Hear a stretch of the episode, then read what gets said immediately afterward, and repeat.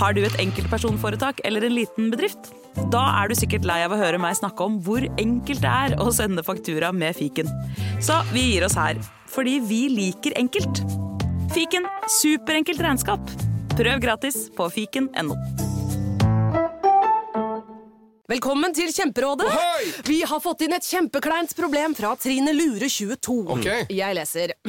De to andre i kollektivet mitt har begynt å date, og jeg syns det er veldig kleint når vi skal se på TV sammen, og de bare skal kline.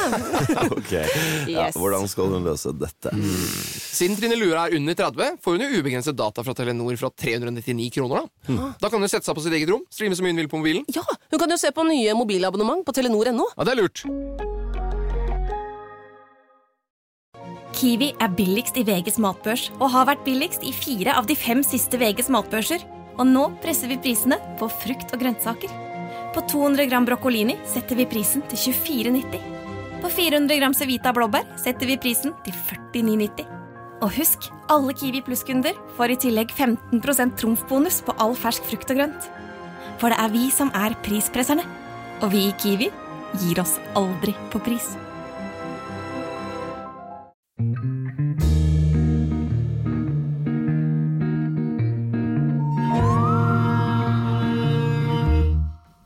Dette er en historie basert på virkelige hendelser.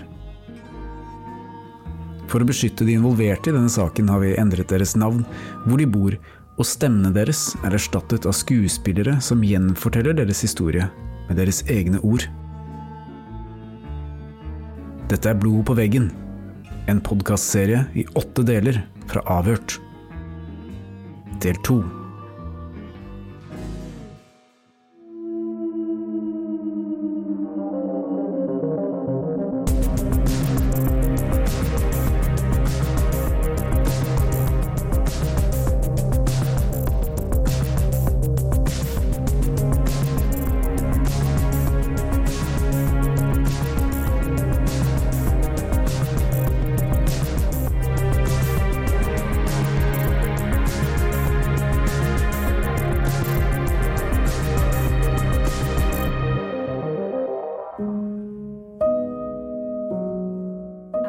Vokste opp på Sørlandet, og mista faren min I forrige episode hørte vi starten på kvinnen vi har kalt Silje sin historie. Vi eh, forelsker oss og blir kjærester.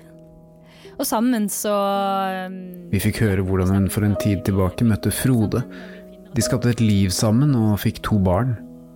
Men så begynte Frode å ruse seg, og han ble voldelig. Det var da jeg virkelig bestemte meg for at nå var det nok, da.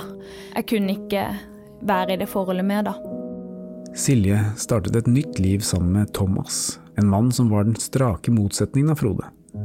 Men det tok ikke lang tid før fortiden innhentet henne, og hun begynte å oppleve truende situasjoner og trakassering rettet mot seg selv og sin nye samboer.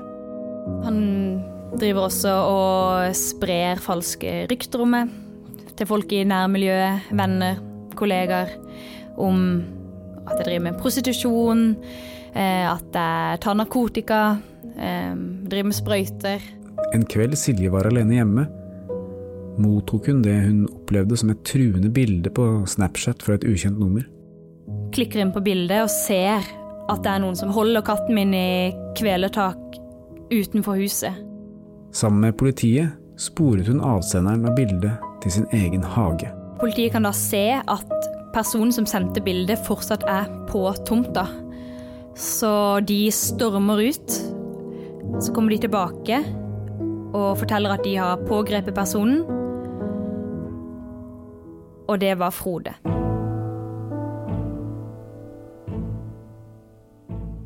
Frode ble sluppet ut av politiets varetekt kort tid etter pågripelsen, men ble ilagt et besøksforbud overfor Silje og barna. Ifølge Norges domstoler kan et besøksforbud ilegges dersom det er grunn til å tro at noen vil begå en straffbar handling overfor en annen person, forfølge denne personen, eller på annet vis krenke en annens fred. Frode ble altså forbudt å oppsøke eller befinne seg i nærheten av Siljes hjem eller arbeidsplass i tre måneder. Men for barna ble besøksforbudet begrenset til seks uker. Og på dette tidspunktet i denne historien nærmer det seg påske. Etter noen uker hvor hun kunne ha barna for seg selv, hadde ikke Silje noe annet valg enn å sende barna til sin far på påskeaften. Eh, Og jeg grudde meg fælt til å, å sende de av gårde dit. Um, samtidig så hadde han jo på en måte rett til å feire med barna, og, De, de seks ukene var gått, Ja. og du hadde ikke lenger noe du skulle si i den saken. Da måtte jeg egentlig bare sende de av gårde på, til feire der, da. Eh, Vi skulle ha noen gjester over, og jeg hadde utrolig vondt i magen. Jeg hadde skikkelig dårlig magefølelse. Jeg klarte ikke å kose meg på den måten som jeg pleier. Jeg står der og eh, forbereder liksom siste delen av matlaginga, og plutselig så ser jeg det ringer et nummer jeg ikke kjenner igjen. Eh, og jeg kjenner at hjertet begynner å dunke. Jeg følte meg, jeg følte meg veldig stressa. Og tar telefonen og hører da ei dame som presenterer seg, sier at hun er naboen til Frode, og at jeg må ringe 112 med en gang og be de om å hente barna mine. Og da kjenner jeg at eh, alt raser rundt meg. Helt forferdelig, forferdelig følelse. Kvinnen i den andre enden av denne telefonsamtalen har viet navnet Nina. Hun bodde sammen med sin egen familie i noen hus bortenfor Frode. Vi tok kontakt med Nina for å høre hennes versjon av hendelsesforløpet denne kvelden. Og dette er det hun fortalte oss. Vi lagde middag, og plutselig så ringer det på døra. Samboeren min eh, åpner og ser at det er Tuva. Hun er dattera til Frode, som er naboen vår, og det er hun som ringer på. Jeg kjente liksom ikke Frode fra før, da, sjøl om han bare bor noen hus unna, men eh, jeg visste hvem ungen hans var. Hun sier at pappa er død. Eh, Hun er liksom helt panisk og sier 'pappa er død, pappa er død'. Og så peker hun ned mot eh, postkassene. Samboeren min løper ned, men jeg mm, vil at Tuva skal være hos oss. Men eh, hun hører ikke på det og løper bare etter, og jeg løper etter hun òg, da. Um, og mens eh, samboeren min ringer ambulansen, så kvikner Frode litt til igjen. Og vi kjenner at det lukter alkohol av han, og det er liksom noe som ikke helt stemmer, da. Frode hadde visst kjørt sykkel ned en bakke med Tuva bakpå, og han hadde velta i grøfta. Og, og så var han nesten bevisstløs, og hun hadde slått hodet sitt. Og jenta var jo veldig prega av hele situasjonen. Ja, jeg, jeg sier at jeg ringer til mora til barna, mens eh, samboeren min går til huset da, for å sjekke hvordan det går med Frode. Og da står den nye samboeren til Frode og beskytter han. Og hun sier at Frode har liksom tatt seg en tur ut, og, men vi skjønte jo at det ikke stemte. For det var jo ikke Frode helt sånn kapabel til. Han var åpenbart veldig rusa. Så hun dekka over for han. Og sjøl så jobber jeg i barnehage og syns det var en veldig ubehagelig opplevelse. Og unga mine fikk det jo òg med seg, og det ble mye greier, da. Og det som da skjer videre, det er at eh, jeg sier at vi må ringe barnevernet, og det er samboeren min helt enig i. Men eh, han, han syns at vi skal ringe mora først, da. Så vi gjør det. Og så mm, visste ikke jeg helt sånn hvem Silje var, så jeg måtte liksom finne nummeret hennes på nett. Og så Jeg ringer og forteller hva som har skjedd, og Silje tar kontakt med politiet. Eh, Jeg ringte barnevernet. Så da fikk jo du en telefon fra denne naboen, og hvordan reagerte du da? Jeg kasta meg i bilen, eh, ringer politiet på veien. Og ja, løper ut av bilen, møter politiet der. Prøver å banke på døra til Frode, og jeg får ikke lov å gå inn. Og politiet sier til meg du må bare sitte i bilen, dette skal gå fint, bare prøv å puste. Og jeg sitter der og bare prøver å puste og husker Liksom, jeg hadde hørt eh, Tuva gråte eh, da jeg sto ved døra der, så jeg sitter bare og hører eh, gråten til Tuva. På det tidspunktet her, hvor gammel var Tuva da? Eh, syv år. Og politiet de betrygger meg om at det, liksom, det her skal nok gå fint, og du skal snart være med barna dine igjen. Og så er barnevernet inne hos Frode i to minutter. Eh, kommer ut igjen og sier at nei, nei, her er, her er alt i orden, du skal bare gå hjem. Eh, gå hjem til selskapet ditt, eh, ha en fortsatt fin kveld. Um, ja, hvordan reagerte du da, da? Altså, her har naboen ringt, og politiet har duket opp, og så kommer barnevernsvakta inn i to minutter og sier at det ikke er noe problem, og bare ber deg reise hjem. Jeg var helt eh, lamslått. Det, det, var, det var akkurat som at ordene ikke gikk inn. Det var, det var, var overhodet ikke det jeg så for meg at de skulle si, da. Så det var en helt grusom grusom følelse, og jeg ser bort på han politimannen, og jeg kan se at han står med tårer i øynene, og ja, at han heller ikke kunne gjøre noe, eh, ved mindre barnevernsvakta ba han om å gjøre det, så Nei, for at det er det de som bestemmer over, for dette foregår i et privat hus. Mm. Eh, og Frode har vel ikke gjort noe ulovlig her. Han, ja, han har vært full mm. eller rusa, men eh, han har ikke gjort noe som politiet nødvendigvis eh, forplikta til å ta tak i. Nei. Det er, så det var ikke noe vi kunne få gjort. Det var helt forferdelig. Men De var inne i to minutter bare, mm. og da klarte de å gjøre en vurdering på at uh, her var alt greit? Mm. Tydeligvis. Vitner til det som skjedde denne kvelden var representantene fra politi og barnevern, naboen Nina og hennes samboer, Silje, Tuva, Frode og Frodes nye kjæreste. Silje og Frodes sønn, Tobias, var inne i huset hele tiden, og det er uvisst hva han fikk med seg av det som skjedde. Det er umulig for oss å vite nøyaktig hva som ble sagt mellom Silje og barnevernet denne kvelden, og hvor lang tid de faktisk var inne i huset. Barnevernet har fått mulighet til å uttale seg på generelt grunnlag i forhold til disse beskyldningene, men har ikke ønsket å snakke med oss.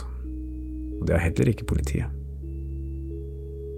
Naboen til Frode har på sin side en oppfatning av barnevernet denne kvelden som støtter Siljes påstander. Jeg snakka lenge med barnevernet den kvelden, men um, det var politiet som var interessert i hva som hadde skjedd, da. Barnevernet var ikke interessert.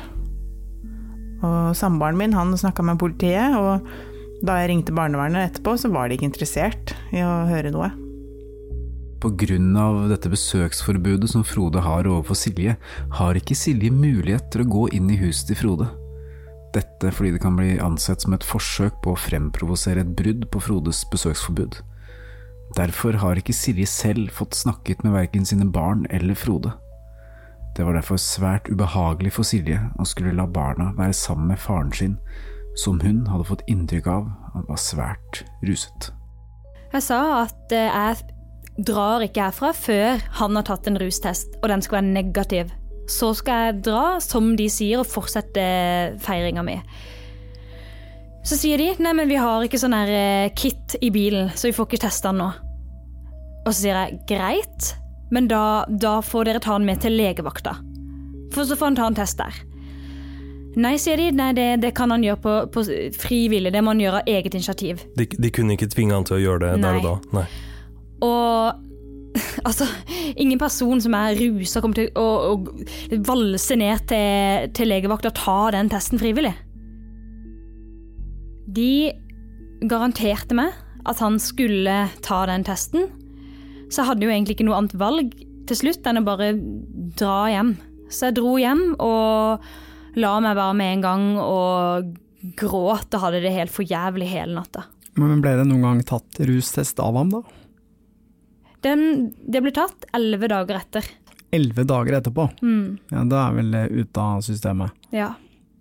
Men eh, det hører jo også til historien at eh, hun, naboen som ringte til meg, hun sendte også inn en bekymringsmelding til barnevernet. Men den bekymringsmeldinga, den har bare forsvunnet. Den har aldri blitt tatt, tatt opp igjen.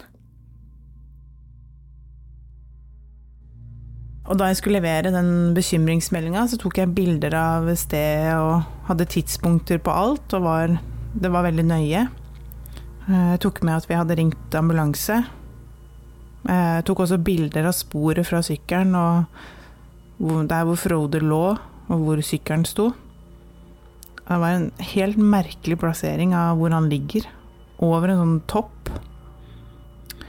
Og barnevernet har jugd. De har sagt at jeg bare har levert bekymringsmelding i skranken og ikke snakka med dem, men det stemmer ikke. Jeg sto jo og snakka lenge med dem.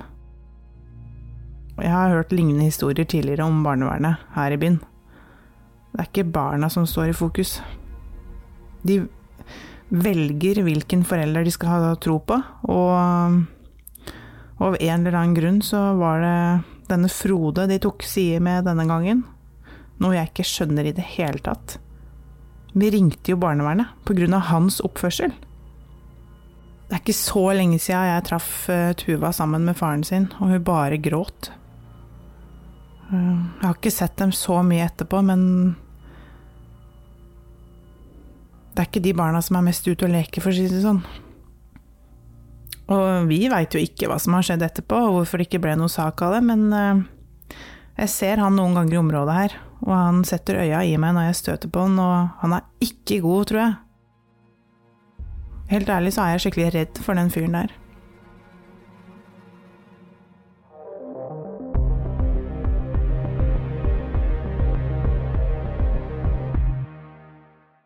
Har du et enkeltpersonforetak eller en liten bedrift? Da er du sikkert lei av å høre meg snakke om hvor enkelt det er med kvitteringer og bilag i fiken, så vi eh, gir oss her, vi. Fordi vi liker enkelt. Fiken superenkelt regnskap. Velkommen til Kjemperådet! Yes. Denne gangen har vi fått inn et kjempedilemma fra en familie. Okay. Jeg leser Hei, vi er litt uenige i familien her. Mm. Hvis du skulle vært et dyr, ville du hatt gjeller eller vinger? Oi, den er tricky. Ja, Hva ville dere hatt, da? Altså, jeg vet ikke, men Med familierabatt får de ubegrenset data fra Telenor fra 399 kroner. Da kan de jo scrolle seg til svaret, rett og slett. Ja, ok, Men for min del Ja. gjeller. Nei, nei, Gjeller. Nei. nei, vinger. Nei, nei, gjeller. Ja, okay, ja, Kjempebra. Men eh, se nye mobilabonnement på telenor.no, da. Kiwi er billigst i VGs matbørs og har vært billigst i fire av de fem siste VGs matbørser. Og nå presser vi prisen på påskevarer fram til 1. april. På 591 gram Toro vaffelmiks presser vi prisen fra 35,90 helt ned til 26,90. På 410 gram Lerum jordbærsyltetøy presser vi prisen fra 29,40 helt ned til 22,90. For det er vi som er prispresserne. Og vi i Kiwi gir oss aldri på pris.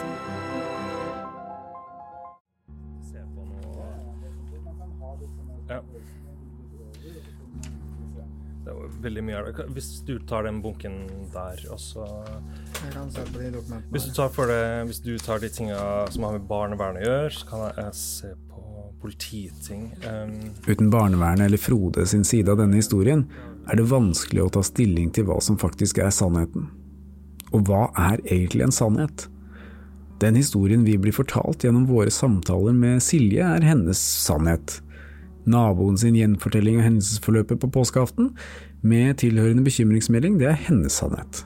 Og sannsynligvis er det flere andre versjoner av denne historien som alle er sannheten for den personen som forteller nettopp sin versjon av historien. Er sannheten da summen av sammenfallende detaljer i de forskjellige versjonene? Dette skal vi se nærmere på i en senere episode av denne podkastserien. I mellomtiden har Avhørt fått tilgang til en del dokumenter relatert til Siljes sak. Helge Åstein Morten har tatt et dypdykk i disse for å prøve å finne ut hva som faktisk har skjedd. hvor denne hendelsen fant sted. Ja, og eh, vi har jo snakket med denne naboen. Hun har fortalt at hun, eh, hva som skjedde, og at hun sendte en bekymringsmelding. Og den bekymringsmeldingen den sitter vi på her. Og det stemmer jo med det hun fortalte til, eh, til oss. Og så eh, har vi jo fått høre at Frode ikke ble utsatt for noen rus... Han måtte altså ikke avlegge noen rustest. Nei, for eh, da fortalte jo Silje oss at barnevernet sa at de hadde ikke med sånn testkit. Og at eh, Frode selv sannsynligvis kom til å avlegge denne testen frivillig like etterpå. Ifølge Silje, det har vi ikke noen dokumenter på her, så ble det ikke da foretatt noen rustest før elleve dager etterpå. Det jeg stusser litt på, Helge, det er jo at eh, Frode han har jo blitt tatt for ruskjøring tidligere. For vi sitter jo på en rapport her hvor Frode ble stanset av politiet. Det var jo et ja, år, halvannet tidligere kanskje. Da framsto han som påvirket og ble siktet for kjøring i ruspåvirket tilstand. Blodprøven viste at han hadde hasj, Sanor, amfetamin og Rivotril i blodet. Så med den historikken, at du har blitt stoppet av politiet og sikta for ruskjøring, og så skjer dette, og så blir det ikke tatt noen rustest. Det ja. syns jeg er litt merkelig. Vi må minne om at politiet var til stede der, og det er et kjapt søk på denne datamaskinen som alle politibiler har i bilen. Så finner de ut det her. Og vil si at ok, men det, det, her er det faktisk ganske eh, sannsynlig at han er ruspåvirka. Vi tar en test. Vi kjører han da eventuelt til nærmeste legevakt. Og hvorfor barnevernet da går inn i huset, eh, de må jo åpenbart ha hatt en bekymring for om at han var rusa eller ikke, og så ikke gjør noen verdens ting med det, det syns jeg framstår som litt merkelig. Og det som også er litt merkelig, er jo at denne bekymringsmeldingen fra naboen, den øh, virker det ikke som de har øh, tatt så mye hensyn til, eller egentlig arkivert i det hele tatt, eller hvordan er det, Helge? Finner du noe dokumentasjon på det? Ja, at naboen purrer. Hun purrer, på, ja. ja. Jeg vil be om bekreftelse på mottak av bekymringsmelding, da jeg valgte å levere den personlig, og noen av de involverte i saken har ikke gjort seg ferdig med saken. Vi ser på det som ekstremt uheldig å ikke bli trodd, og heller ikke få tilbakemelding på noe. Og så står det at vi kommer også til å kontakte politiet, som var den eneste som valgte å kommunisere med oss den kvelden, så barnevernet valgte da ikke å kommunisere med denne naboen som varslet. Det er jo viktig å opplyse her om at vi har forsøkt å kontakte barnevernet og få en eh, tilbakemelding på det her. De har valgt å ikke svare. Så, eh, men vi kommer ikke til å gi opp. Vi kommer selvfølgelig til å fortsette å prøve å få det i tale og sende av gårde noen eh, flere spørsmål etter hvert. Selv om vi ikke har fått en uttalelse fra barnevernet eller Frode om hva som skjedde på påskeaften, så har vi fått tilgang til noen papirer eh, rundt det her. Og det vi sitter her med nå, er en utskrift av en samtale som eh, Silje og Thomas hadde på et besøk hos barnevernet. Kun fire dager etter påskeaften. Ja, det stemmer det, Helge. Jeg sitter jo med referatet, og det er jo eh, for så vidt eh, ganske langt. Men eh, det er et avsnitt som jeg bitt meg merke i, og det, der står det at naboen hadde ringt 113 ca. klokken 17. Mor ringte politiet ca. 19. Tjenesten presiserer at det ikke er mulig å konkludere hva som har skjedd. Foreldrene stiller spørsmål ved at ikke tjenesten kjørte far til legevakt, og mener at tjenesten burde ha beordret legevakt til å gjøre det. Tjenesten ytrer forståelse for hvordan foreldrene opplever det, og at urinprøver helst skulle vært tatt, men at det ikke blir tatt på grunn av at legevakt og sykehus nektet å gjøre dette på grunn av at det ikke var akutt. Så det vi kan lese ut fra dette referatet, da, fra det møtet som var noen dager senere, er at de tar jo for så vidt litt sånn selvkritikk, mm. og at de burde kanskje ha tatt en rustest på far, da. De representantene fra barnevernet som er med på det møtet her, det er de samme som møtte opp uh, hjemme hos Frode på påskeaften? Ja, så det vi, uh, vi, har hørt at de ikke var så veldig villige til å uh, verken fjerne barna fra far eh, den kvelden, eller ta en eh, rustest, til tross for at naboene hadde opplevd eh, at han hadde krasja på sykkel med dattera si, og dattera trodde at han var død. Mm. Eh, til slutt så, så, står det at uh, avslutningsvis ønsker mor å spille av to lydklipp hun har tatt av barna uten deres viten når de snakker om hendelsen fra påskeaften. Det ene klippet av datteren er det lite tydelig hva som blir sagt fra datteren utover gråt og noen oppfølgingsspørsmål til mor når mor snakker. Samtalen bærer preg av at mor leder samtalen samtidig som hun trøster jenta. Mor sier videre at starten på samtalen, som ikke blir spilt av, forteller datteren fritt om alt som skjedde. Et annet klipp spilles av sønnen. Mor er her også aktiv og ledende i sine spørsmål til gutten, og hvordan fars oppførsel var, og hva som kan ha vært grunnen til dette. Det er noe utydelig hva gutten formidler, men det beskrives at far hadde en oppførsel ved matbordet som var annerledes enn vanlig. Og den oppførselen, Helge, den har vi jo uh, litt opplysninger om. Ja, Tuva var jo ikke med i den samtalen som Silje og Thomas hadde med barnevernet, men eh, Silje tok med seg Tuva til eh, legevakta tre måneder etter påskeaften, og på den konsultasjonen så forteller Tuva om denne kvelden påskeaften om uh, hvordan uh, hun hadde sykla på sykkel med far, og de hadde krasja. Og hele den historien om at hun hadde kontakta naboen og forsøkt å gi han førstehjelp. Uh, og at Frode, da, hennes far, hadde store problemer med å spise normalt rundt bordet. Han brukte ikke kniv og gaffel, men han åt med hendene. Og det er jo litt merkelig, for dette skjedde jo da etter at barnevernstjenesten hadde vært inne og snakket med ham. Så hvis han var så ute, så burde jo de ha fanget opp det og kanskje tatt med barna til mor eh, og gjort en rustest av ham.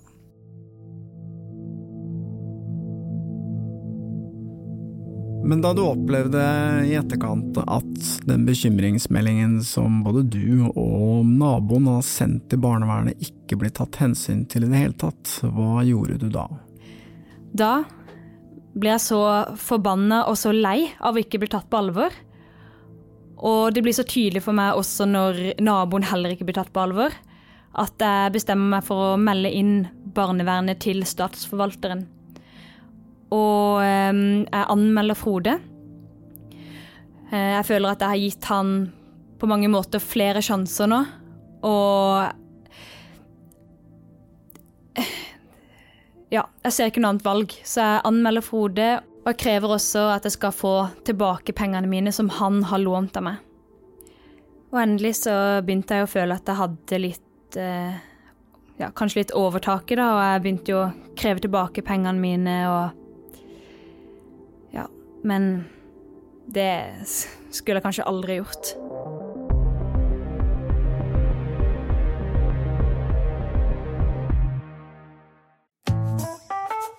Har du et enkeltpersonforetak eller en liten bedrift? Da er du sikkert lei av å høre meg snakke om hvor enkelt det er å sende faktura med fiken. Så vi gir oss her, fordi vi liker enkelt. Fiken superenkelt regnskap. Prøv gratis på fiken.no. Velkommen til Kjemperådet! Ohoi! Vi har fått inn et kjempekleint problem fra Trine Lure 22. Okay. Jeg leser. De to andre i kollektivet mitt har begynt å date, og jeg syns det er veldig kleint når vi skal se på TV sammen, og de bare skal kline. Ok, ja, Yes. Hvordan skal hun løse dette? Siden Trine Lure er under 30, får hun jo ubegrenset data fra Telenor fra 399 kroner. Da Da kan hun sette seg på sitt eget rom, streame så mye hun vil på mobilen. Ja, hun kan jo se på nye mobilabonnement på telenor.no. Ja, det er lurt. Kiwi er billigst i VGs matbørs og har vært billigst i fire av de fem siste VGs matbørser. Og nå presser vi prisen på påskevarer fram til 1. april. På 522 gram Toro pannekakemiks presser vi prisen fra 42,90 helt ned til 34,90. På 410 gram Lerum bringebærsyltetøy presser vi prisen fra 32,90 helt ned til 22,90. For det er vi som er prispresserne. Og vi i Kiwi gir oss aldri på pris.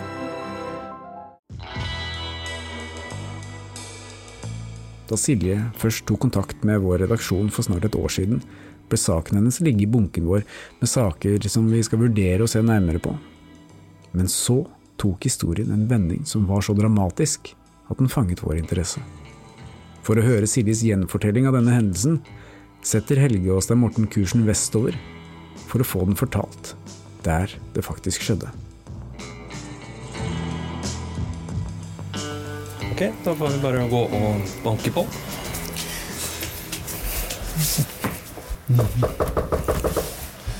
Hei, hei. Hei. Hei, velkommen. Takk skal du ha. Takk, takk. Så hyggelig du var her, da. Takk, så fint at jeg vil komme hele, hele veien. Fint hus. Veldig stort. Ja. Altså det, er jo et hus, altså det er jo over 100 år gammelt her, da. Så, men Thomas har jo tatt og pussa opp og liksom Ja, han har jobba skikkelig mye med det, men vi er veldig fornøyd nå, da. Og jeg er jo veldig sånn interessert i interiør og har jo fiksa og ordna. Ja. Det er her er du som har gjort det meste?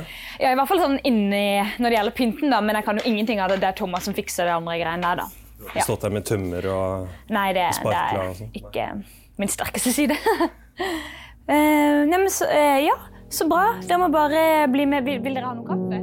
Ja, ja takk. Ok. Fint det, altså. Ok, kom snart tilbake. Silje bor nå i det store huset hvor hun først flyttet inn som leieboer etter bruddet med Frode. Silje og Thomas er nå gift og har datteren Nora, som snart fyller tre år. Det nærmer seg jul, og selv om snøen fortsatt ikke har lagt seg enda, kan man ikke unngå å kjenne på julestemninga når man ser det store, hvite huset fylt med julelys og nisser i alle størrelser og fasonger. Huset ligger i utkanten av den lille byen, og det er noen få nabohus som grenser til tomta, men siden det ligger veldig tett inntil skogen, får man følelsen av å være litt isolert fra omverdenen. Det hadde gått noen måneder siden hendelsen på påskeaften. Trakasseringen hadde avtatt, og Silje forteller at hun følte at hun kunne leve litt mer som normalt. Men så en kveld i slutten av juni skjedde det noe som skulle få alvorlige konsekvenser. Ja, det, mm, altså meg og Thomas vi satt eh, egentlig akkurat her i stua og så på TV. Det var helt vanlig kveld. Og så på det tidspunktet så dreiv jeg litt sånn, et lite firma da, hvor jeg solgte litt sånn kosmetikk og kremer og sånn. Så var det ei venninne som tok kontakt og hadde lyst til å kjøpe noe, så jeg skulle ut, dra ut og levere disse kremene. da. Så jeg bare eh, bare kler raskt på meg. Har bare sånn, egentlig bare sånn tights, og litt sånn kose, kosebukser på meg og tar på meg en, en liten jakke og sier til Thomas at jeg skal bare levere de kremene. Er det noe du trenger på butikken? Så det, han vet at det er en kort tur. ja. Ja. ja, ja. Han forventer at jeg er tilbake om 20 minutter. ja. Så Så går du til utgangsdøra. ja. Etter den gjentatte trakasseringen har Silje fått en voldsalarm som hun putter i lommen, sammen med kremen og telefonen sin. Hun forteller at hun tar på seg en lett jakke og går ut mot bilen, som står rett utenfor inngangsdøra. Eh, og så har jeg da bilen min parkert rett rundt hjørnet. Så det er liksom ikke eh, lange veien. Nei, det er Um, fem meter, typ. Og plutselig så det, det skjer jo liksom helt Altså, det, det skjer veldig fort. Jeg rekker ikke å reagere eller noen ting. Jeg får liksom en hånd over munnen. Og kjenner at liksom jeg blir dratt i, i håret. Eh, føler liksom at håret blir dratt av, liksom. Og så, blir jeg dratt bakover. Og jeg, jeg er full panikk. Jeg får jo ikke skrek, jeg får jo ikke sagt noe. Jo, de holder, han holder jo foran munnen min. Ganske sånn svær eh, kar, og jeg er jo ganske lita, så jeg får liksom ikke eh, og mm, Jeg bare ser meg rundt og prøver å finne ut liksom, hva kan jeg gjøre for å, for å lage noe lyd. Så jeg begynner å, å sparke alt jeg kan med, med beina. Prøver å liksom bare slå i, i bakken og i veggen og Ja, for alt. for du, du, du blir dratt Ja. langs husveggen. Ja, langs husveggen, så, så beina mine kan nå eh, veggen, så jeg prøver bare å sparke. Men ja, Thomas kan ikke høre det her, for det er jo mange, han er mange meter bort. Ja, for det er jo På innsida her så er jo et stort bad, Mm. og videre derfra er det i hvert fall tolv meter til der Thomas sitter Mm. og ser på TV. Mm. Sparker liksom for harde livet. Og, og, og, se, og, og prøver å se meg rundt, for jeg, jeg, jeg ser om det er en bil i nærheten. der, For jeg er så livredd for at, at, de, at jeg skal bli tatt med i en bil. Noen meter unna huset står en bygning hvor familien har garasje, boder og et treningsrom. De to maskerte mennene drar henne med seg inn i den ulåste bygningen. Ja, eh, her. Ja, for de dro deg langs med husveggen mot eh, den eh, bygningen der som Hvor det Du ser er jo hvor nærme, altså Bilen min skulle jo rett her. Det er jo ikke så mange mange meterne bort til det uthuset, da. Nei. Ok, nå er vi utafor det uthuset. Eh, og her har vi, Det er jo da en garasje, og så inni her så har vi en sånn Vi kaller det bare bua, da. Og der er det en sånn treningsrom. Um, og prøver jo fortsatt å bare sparke og, og prøver å komme meg løs. Men blir jo, har jo fortsatt liksom en hånd foran munnen, og, og han drar meg i håret. Eh, og så, så, blir jeg plassert på en sånn, vi har en sånn treningsbenk der. Ja, som en eh, nedtrekksbenk. Mm. En sånn du har eh, eh lårene under, blant annet, mm. Eh, mm. når man skal ta nedtrekk. Eh, og jeg blir eh, ganske brutalt liksom, plassert på denne benken. Og så tar de og stripser hendene mine bak på treningsbenken. Eh, og så tar de og stripser føttene mine sammen. Så jeg er jo da stripsa fast, og det gjør dritvondt. ikke sant? De har stramma det skikkelig skikkelig hardt. Jeg kjenner at det gnager, jeg kommer meg ikke løs. Um, og så begynner de å surre sånn, um, sånn, sånn Du vet sånn Sånn veldig tykk teip rundt hodet flere ganger. Over munnen og nesa. Eh, og jeg får ikke puste. ikke sant? Jeg får fullstendig panikk. Jeg vet ikke hvor mange ganger de surrer det rundt, men det er flere ganger. Jeg er jo livredd. Hva, hva, hva, hva skal de med meg? Jeg føler jo at, jeg, at, de, at de skal drepe meg. Så da de hadde stripsa deg fast og teipa over nese og munn, hva gjorde de da? De begynte å, å kjenne om jeg hadde mm, mobil. Så de begynner å ta i, i lommene, og sånn, og så, og, så, og så, finner de noe som de da tror er mobil, eh, og bare kaster den bort. Det var egentlig jævlig flaks for meg, for den, det var egentlig voldsalarmen min. Men det ser jo ut, den er, den er lagd for å se ut som en mobil. Eh, så de, de kaster denne voldsalarmen bort, og da vet jo jeg at jeg har mobilen min i den andre lomma. Det er helt utrolig at ikke de fant den. Men de, de trodde jo de hadde tatt mobilen, så de, ja, så, så, mobilen min var fortsatt i lomma. da. De lette ikke videre? De, de, kjenner jo på en måte litt, men, men jeg driver og har det her kremen og denne kosmetikken jeg skulle levere til venninna i lommene, så de, de, finner på en måte bare det og, og lar det bare være, da. Um, ja, og, og det, det, er jo helt, eh, helt mørkt. Og det eneste jeg kan se, er jo det lille jeg kan se, fordi de bruker en lommelykt eh, for å se litt. Så, så, jeg ser jo av og til litt det som de driver, driver med. Da. Så plutselig så ser jeg De har en sånn svær, eh, sort bag. Um, og da, da, ser jeg at de Han ene da drar opp en kniv. Du dro en kniv opp av den bagen, han ja. som sto bak? Ja, og jeg, jeg, jeg får fullstendig panikk. Jeg tenker nå, nå kommer jeg til å dø. Nå, nå, nå skal de drepe meg, liksom. Og eh, jeg, blir, jeg, blir, helt eh, jeg, fryser helt til. Jeg, jeg slutter å, å, å prøve å, å, komme meg løs, og jeg blir helt eh, Ja, jeg blir helt sånn stiv av frykt, da, og så drar plutselig av meg buksene mine, sånne, sånne tights, litt sånne myke bukser som han bare drar av. Og så stikker han liksom kniven ned mot låret mitt. Tar han denne kniven på innsida av låret mitt og beveger den opp mot Ja, altså Opp mot skrittet, da, og, og sier Du er en tyster, og du skal trekke tilbake det du har sagt. Ta tilbake det du har sagt, sier den maskerte mannen mens han truer Silje med en kniv. Inne i huset sitter Thomas og har ingen anelse om den alvorlige situasjonen Silje befinner seg i. I neste episode forteller vi hvordan Silje kom seg løs fra kidnapperne, og om det dramatiske etterspillet som vil snu hele historien på hodet.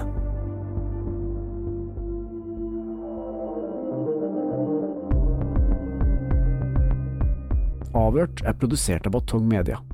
Redaksjonen vår består av Stein Morten Lier, Helge Molvær, Marius Søvik Bergersen og meg selv, produsent Lars Christian Nygårdstrand. Temamusikken til Avhørt er laget av Altered States, og du finner oss på Facebook og Instagram. Hvis du vil høre eksklusive serier fra Avhørt, ett og et halvt år før alle andre, finner du disse på Podme. Gå inn på podme.no, eller last ned Podme-appen. Ansvarlig redaktør i Batong Media er Stein Morten Lier.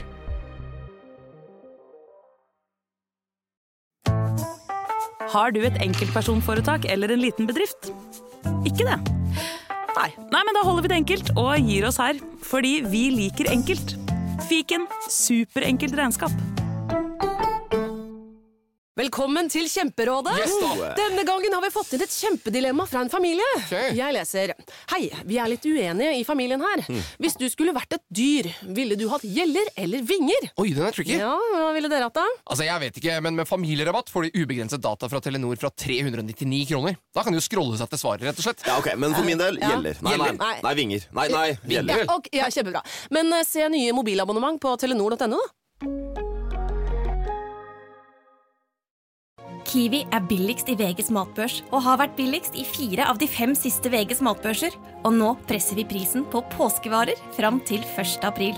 På 1,25 liter assortert Henning Olsen sørlandsis presser vi prisen fra 74,90 helt ned til 49,90. På assorterte 250 ml Cevita og Bendit smoothies presser vi prisen fra 1990 helt ned til 12,90 pluss pant. For det er vi som er prispresserne. Og vi i Kiwi gir oss aldri på pris.